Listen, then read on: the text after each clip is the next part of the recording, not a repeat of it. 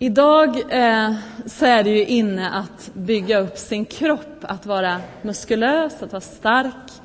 Och för att göra det så behöver man ju träna och det finns många olika träningsredskap på gymmet att använda sig av för det.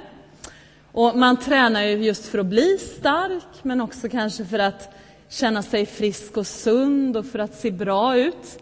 Själv så har jag bara börjat träna styrka men jag känner det i musklerna Många som har legat oanvända länge har precis fått sig en omgång häromdagen och det känns fortfarande. I Efesierbrevet 4 här, där vi har läst några verser, där används en kroppsbyggande metafor om församlingen och om just helgelse, som ju är den här predikans eh, ämne. I Efesierbrevet 4 så handlar det just om bodybuilding och där så står det att ledarskapets uppgift genom sin mångfald av gåvor är just att bygga upp kroppen. Det står att den liksom behöver bli stark, Kristi kropp. Den behöver få muskler, den behöver mogna. Alltså den behöver, eller vi som tillhör den, behöver just det här med helgelse. Och det sker också genom att vi lever som ljusets barn, visar Paulus i det här och i kommande kapitel i den här boken. Hur gör man det? Hur lever man som ljusets barn?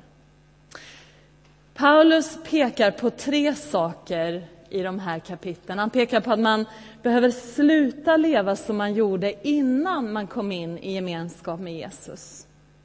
Och man behöver ta på sig sitt nya jag. Och man behöver leva som man tror. Vi behöver leva som vi tror. Helgelse är alltså för det första att sluta leva som innan vi kom in i gemenskap med Jesus. Säger Paulus. Jag tror att vi kan välja faktiskt många gånger hur vi lever. Idag så hör man ofta att man inte kan välja utan de handlingar man begår, goda eller onda, beror utav arv och miljö. Och att vi faktiskt, ja, det här med dåligt samvete vill man liksom lite grann förklara bort på olika eh, vetenskapliga sätt. Jag tror inte man ska göra det, utan jag tror att skuldkänslor ofta är en hjälp. Det är något vi har fått av Gud för att med dem kunna komma till Gud och be om hjälp. Och när vi gör det, när vi bekänner vår synd, få förlåtelse. Jag tänker till exempel på den senaste tidens händelser i Norge. Eh, när jag tänker på det här med att kunna välja. Att ondska händer inte bara. Att den är ett val, lika väl som godhet. Och att vi väljer, börjar ofta med ett kanske mindre val, men sen fortsätter ofta i samma riktning. Och kroppen, församlingen, vi som är kroppen tillsammans, som har valt att gå tillsammans, vi har ju valt att gå i en riktning. Vi har valt och vi går i en riktning. Vi följer Jesus som är huvudet för kroppen. Han är vår riktning och vi går mot honom och med honom. Vi följer honom. Jag såg en film nyligen på tv som heter Saved. Jag vet inte om ni har sett den, en rätt gammal film tror jag, som, eh, eller några år tillbaka. Eh, som handlar, den var väldigt intressant, det är liksom en satir över kristen subkultur och speciellt kanske över ungdomskultur. Och I den så målas det liksom upp att vi kristna är ytligt sett fokuserade ibland på att, att göra det Gud vill, att till exempel leda människor till honom, till gemenskap med honom. Men att vi kanske ändå är kärlekslösa och kalla inombords. Jag tyckte att det var en väldigt intressant film. Det var intressant att följa de här personerna och, och se hur de eh, levde ut det här på olika sätt. Och filmen kunde verkligen visa på en, en sann kärlek och omtanke för dem som misslyckas med att leva upp till den här, den här standarden, den kristna standarden. Och det är ju bra. Men jag tyckte ändå att den här filmen inte riktigt hade förstått nådens innebörd förstått vad nåden ger eller vad nåden är.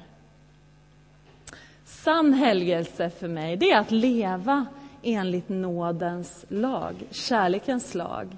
Och mot den vänder sig inte lagen, säger Bibeln. Jag tror alltså att när vi har börjat följa Jesus så är det som att våga ett äventyr där vi ändå trots allt tror att vi kan följa honom och tror att vi kan även likna honom och tjäna honom.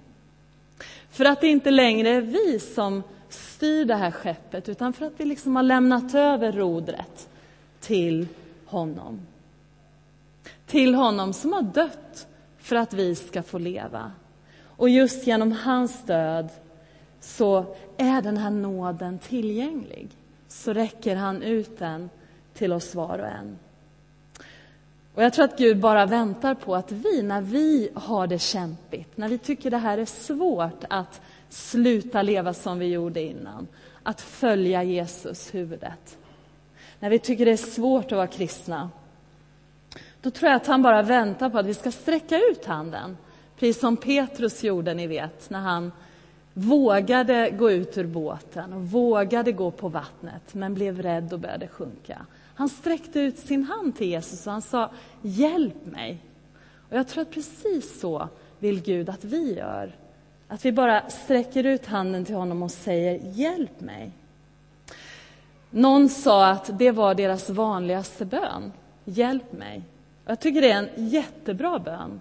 Det är en bön som alltid är rätt och som alltid får svar. Den är alltid ärlig. Och den säger alltid att jag kan inte, men du kan. Jag lyssnade nyligen på Kirk Franklin. Ehm, han är ju en av gospelvärldens stora och eh, varit väldigt framgångsrik, är väldigt framgångsrik i sin gospelkarriär. Jag lyssnade på honom, inte på någon sång, utan på hans vittnesbörd. Och han berättade om hur han har kämpat i ett antal år med Eh, med synd i sitt liv. Hur han har varit bunden till eh, ett beroende av pornografi. Mitt i den här starka, vackra gospelkarriären. Han sa, när jag gjorde den skivan och när jag gjorde den där konserten, då var jag beroende av pornografi. Då satt jag fast i det. Men en dag så kände han att det här gick inte längre. Han kunde inte hantera det här längre, att leva så. Utan han behövde hjälp och han behövde bekänna. Och han bekände det här till sin fru faktiskt. Han sa till henne att jag behöver hjälp, jag, jag är beroende av det här. Och då kände hon sig välsignad av att han hade den attityden, av att han öppnade upp så. Och då sa hon att ja, men jag vill gå kämpa det här tillsammans med dig, den här kampen. Jag vill inte vända mig bort ifrån dig, utan hon sa själv i en intervju att hon bestämde sig för att eh, de skulle klara av det här tillsammans, och tillsammans med Gud. Och de har också, eller han har också överkommit det här med hennes hjälp, med Guds hjälp. Och de är väldigt öppna med den här kampen. För att just de tror att när man berättar om sina svagheter som kristen, när man berättar om att man kan kämpa med synd och svårigheter. Eh, det är ju då man kan hjälpa andra. Det är ju då som andra kan också få hjälp att, att kämpa vidare och att inte ge upp. Och få se att det går att bli fri. Men just att man som kristen inte behöver vara, eller vi är inte perfekta, utan vad vi har börjat är ju den här vandringen mot att bli lika Jesus. Vi börjar ju inte när vi är så, när vi är framme, utan vi vill ju komma dit. Och vi kan komma dit med hans hjälp. Att vara kristen är inte att vara perfekt, utan det är att vara förlåten, sa vi ofta när jag var ung. Och det är faktiskt ett talesätt jag tycker man behöver komma tillbaka till. Paulus han säger det att vi ska sträva mot att bli som Jesus, att bli perfekta, säger han. Men det ordet i sin grundmening är ju mognad. Det har med mognad att göra. Alltså det Paulus säger är att sträva efter att bli mogen. Och han säger ju det för att det går. Han säger ju det för att det är möjligt. Vi kan känna oss hjälplösa när vi känner att vi sitter fast i synd. Vad den synden än är. Det finns så många saker som kan få ett fäste i våra liv, som vi kan känna att vi har det jobbigt med fast vi älskar Jesus och fast vi följer honom. Vi kan känna det som att det inte går att komma ur det eller att komma vidare. Men Paulus sa ju också, eller säger också att helgelse är att ta på sig sitt nya jag. Den här vandringen med Jesus som vi har börjat, det här livet med honom, det är ju en resa, det är ju en process. Fastän det går fort att säga sitt ja till honom så tar det lång tid, hela livet tror jag, att bli formad. Jag var bara sex år när jag bad min mamma om att hon skulle be med mig för att jag ville ta emot Jesus i mitt hjärta. Och det var ett stort, en stor händelse för mig. Jag kände så liten jag var att någonting viktigt tog sin början. Men sen har det ju tagit hela mitt liv hittills i alla fall och jag vet att jag är långt ifrån färdig. Just att bli formad, att bli helad. Att låta mig bli fylld med den helige Ande kontinuerligt. Att bli fördjupad i min gudsrelation. Att låta Gud göra det här i och genom mig. Också för att kunna bli använd av honom. Gud vill ju använda oss. Han kallar ju oss var och en för att vi ska bli använda av honom. Han behöver oss. Men han säger inte att vi måste vänta tills vi är perfekta tills han kan använda oss. Utan det han behöver det är ju att vi säger det här, Herre, här är jag, sänd mig. Och när vi säger det, då blir vi öppna för hans helgelse. Då kan den helige Ande forma oss. Då kan han både kärleksfullt, men också smärtsamt ibland slipa till oss och göra oss mjukare, mer barmhärtiga, mer omsorgsfulla och mer hela. Och det är helgelse för mig eh, i ett nötskal, att bli hel. Att bli hel står för vad helgelse egentligen innebär. Gud älskar oss för mycket för att lämna oss som vi är, brukar man också säga ibland. Och vi har ju alla sår, vi har alla platser i våra liv Eh, där det onda har fått ett fäste, där det onda har kunnat komma in och få ett fäste. Det är sådana platser där vi har blivit hårda, där vi har blivit bittra. Platser där vi inte har kunnat förlåta, eller där vi vill ge igen. Eller där vi ser allt för kritiskt eller dömande på den andre. Eller kanske allt för kritiskt och dömande på oss själva. Från det att vi möter Jesus och börjar leva i en relation med honom så börjar den helige Ande det här helande verket i oss. Han vet om allt som vi har mött. Han vet om alla hårda ord som du har hört. All förkastelse som du har känt. Alla gånger som du har känt dig missförstådd eller inte blivit sedd. Han känner all besvikelse, all sorg. Även det som du kanske inte själv kommer ihåg men som ändå varit med och format dig till den du är.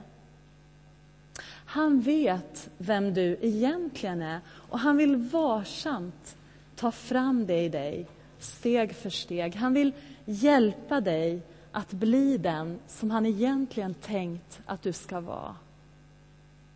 Och det är när vi är oss själva och låter Guds gåvor får blomma ut i oss som Gud blir mest ärad.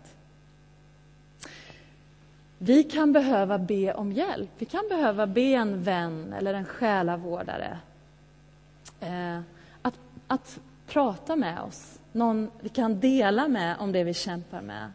Och Vi kan behöva ta emot förbön som det finns möjlighet till i slutet av den här gudstjänsten. Det är några av de sätt vi kan be om hjälp på för att få hjälp på vägen. Sen är det också så att när vi har kommit till Jesus och när vi tar på oss vårt nya jag, tar på oss honom, då tillhör vi honom, då sitter vi fast i honom.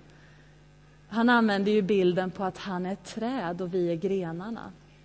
Och när vi sitter där i honom, då bär vi frukt. Han gör ju så att vi bär frukt. Det är inte vårt verk.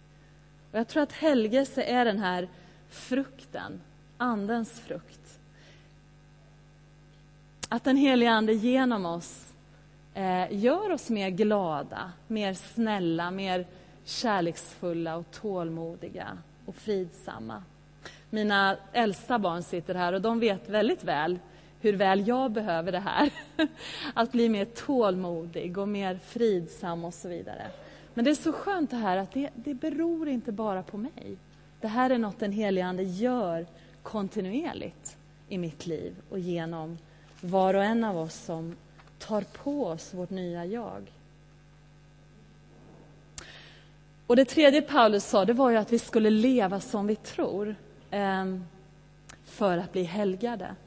Jag hörde Alf Lax berätta nyligen på en andakt på, eh, på tv om sitt liv. Och han berättade om sin uppväxt. Många av er har säkert hört honom, känner till honom. Och han berättade om tiden före och tiden efter sin omvändelse och hur han ju blev befriad ifrån sitt missbruk. Och han berättade att tron den hade gett honom trygghet framför allt. Han sa att när han växte upp så var han väldigt orolig. Han hade en väldig oro inom sig. Men han fick den här tryggheten i sin relation med Gud. Och ändå sa han att precis det här att hans vandring med Gud hade ju inte varit spikrak. Han sa det att spriten är en sån stark kraft att det är inte så lätt att skaka av sig utan han har fått fortsätta kämpa mot, mot det här missbruket. Och Hans äktenskap har spruckit, bland annat, berättade han. Men det som var så tydligt i honom, i, i hans vittnesbörd, det var att han har fått en tro. Och att den här tron, den här relationen han har med Jesus, den gör ändå att han fortsätter att kämpa. Han ger inte upp. Och jag tänkte när jag hörde honom att det där var en sån bra bild av helgelse. Det handlar inte om att vara framme, utan det handlar om att komma framåt. Att när vi faller, och det gör vi ju alla, veta att det är nära till Gud. Att inte springa ifrån honom. För det är ju jättelätt att man vill göra det när man känner att man har misslyckats. Men att tvärtom just då komma till honom. För det är då vi behöver honom som mest. Och då tar han alltid emot oss med öppna armar. Han visar inte bort någon som kommer till honom. Han vill ta oss i handen och han vill gå med oss och leda oss vidare. Jag lär allt mer känna Gud som den som ger mig råd. Och Det är också ett av hans namn i Bibeln. Det står ju i psalm 32, säger Gud, att jag vill ge dig råd och jag vill låta mitt öga vaka över dig. När vi börjar gå med Gud så sätter han inte på oss en tvångströja och tvingar oss med hot och våld att gå rätt väg. Nej, han lägger sin hand i våran hand. Han visar sig för oss. Och han vet att när vi håller oss till honom så börjar vi över tid att börja likna honom. Då börjar han att synas i oss. Och när vi kämpar och kanske inte vet åt vilket håll vi ska gå så då vill han ge oss råd.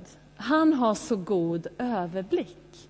Han ser både var vi kommer ifrån, han ser nuet och han ser framtiden. Han vet precis vem du är. Han vet om dina styrkor och han vet om dina svagheter.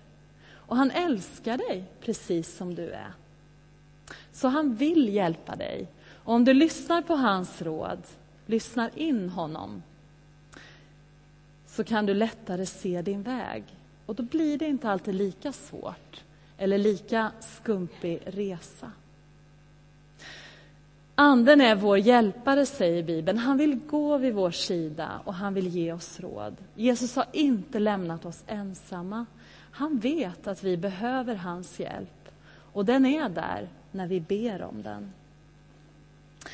När vårt tredje barn, Benjamin, föddes så kändes det mörkt.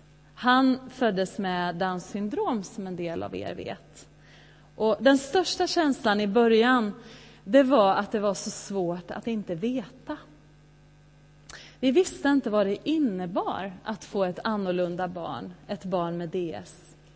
Det var som ett blankt blad utan instruktioner.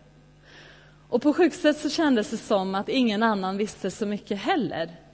Det rent medicinska kunde man förklara, men inte just vad det här skulle innebära. Hur skulle han vara? Vem skulle han vara? Hur skulle vi vara? Och hur skulle vårt liv förändras? Och redan där på sjukhuset, den andra dagen tror jag att det var, så talade Gud så tydligt till mig.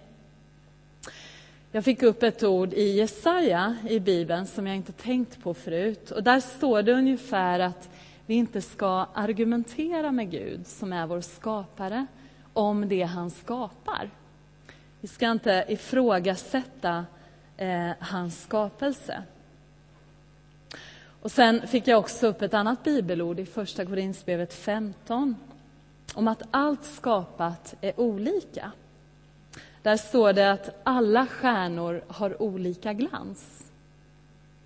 Och Det står också om att vi ska uppstå med en oförgänglig kropp oavsett hur vi är i vår förgängliga mänskliga kropp. Det står att det som blir sått svagt uppstår fullt av kraft. Och Det löftet gäller alla människor som tror, oavsett hur vi är skapade. Jag kände att Gud visade mig tydligt att vi hade fått det barn vi skulle ha och det hjälpte mig att knyta an och att ta honom till mig. Något som kan ta tid för föräldrar med, till barn med DS.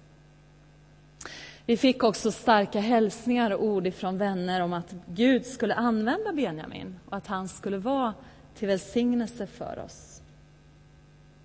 Och att Gud talade så tydligt i början, i mörkret, det gjorde att vi såg att det fanns en färdbar väg. Att vi vågade tro att det skulle gå bra. Och det är ju något som inte är alls lika svårt idag. Benjamin är ju verkligen vår stjärna och han är till stor välsignelse för oss. Och han kan förmedla kärlek och glädje på ett sätt som verkligen berör människor, har jag märkt. Gud gav oss råd. Han gick vid vår sida, han tog oss i handen. Och Det är min erfarenhet, både den och andra gånger. Och Jag är övertygad om att han vill göra det med dig med, när du vågar ta hans hand. Mitt i ditt liv, mitt i dina omständigheter.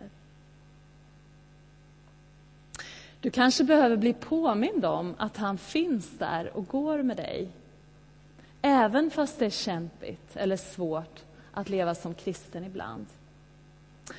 Gud ger inte upp och vi behöver inte ge upp. Vi kan leva med Gud.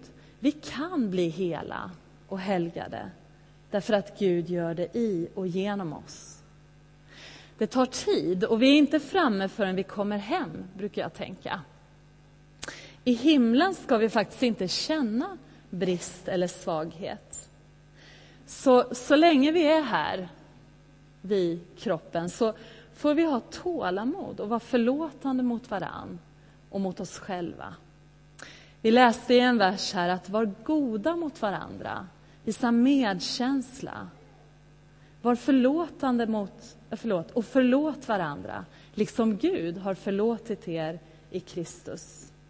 Och det är också helgelse, när vi kan ha den attityden mot varann Därför att vi alla felar. Därför att vi alla behöver förlåtelse och nåd. Då tror jag att vi visar på att helgelsen pågår i våra liv. Jag tror att du finns här idag som kanske behöver det här budskapet på ett särskilt sätt. Du har känt dig misslyckad som kristen. Som att du inte lever upp till den standard som är satt. Du känner dig glömd och du har lust att ge upp för du tycker kampen är så svår att stå emot det onda och att följa Jesus. Jag tror att Gud vill hälsa till dig speciellt, att han ser dig idag och vill hjälpa dig. Att om du sträcker ut handen så är han precis bredvid dig och vill ta din hand och gå med dig varje steg på vägen. Och det som verkar omöjligt för dig är inte omöjligt för honom. Han vill hjälpa dig att följa. Han begär inte att du gör allt rätt innan du kommer. Han vill göra det genom dig när ni går tillsammans. Om du känner igen dig i det eller i någonting annat eller bara vill känner att du behöver förbön, du behöver lite hjälp på vägen idag så är du jättevälkommen fram sen för förbön. Eller du kanske vill be någon i din närhet att be med dig där du sitter. Herre, jag ber att du tar oss i handen, var och en av oss som är här nu. Jag ber att du möter med oss precis där vi är. Tack Herre för att du inte är en hård och avlägsen Gud, utan att du är våran pappa. Och tack för din omsorg om oss. Att du ser var vi har varit och var vi är och vart vi är på väg. Jag ber att du kommer idag genom din heliga Ande och möter med oss, berör oss och helar och läker oss på det sätt vi behöver. Tack att du bara vill oss väl. I Jesu namn. Amen.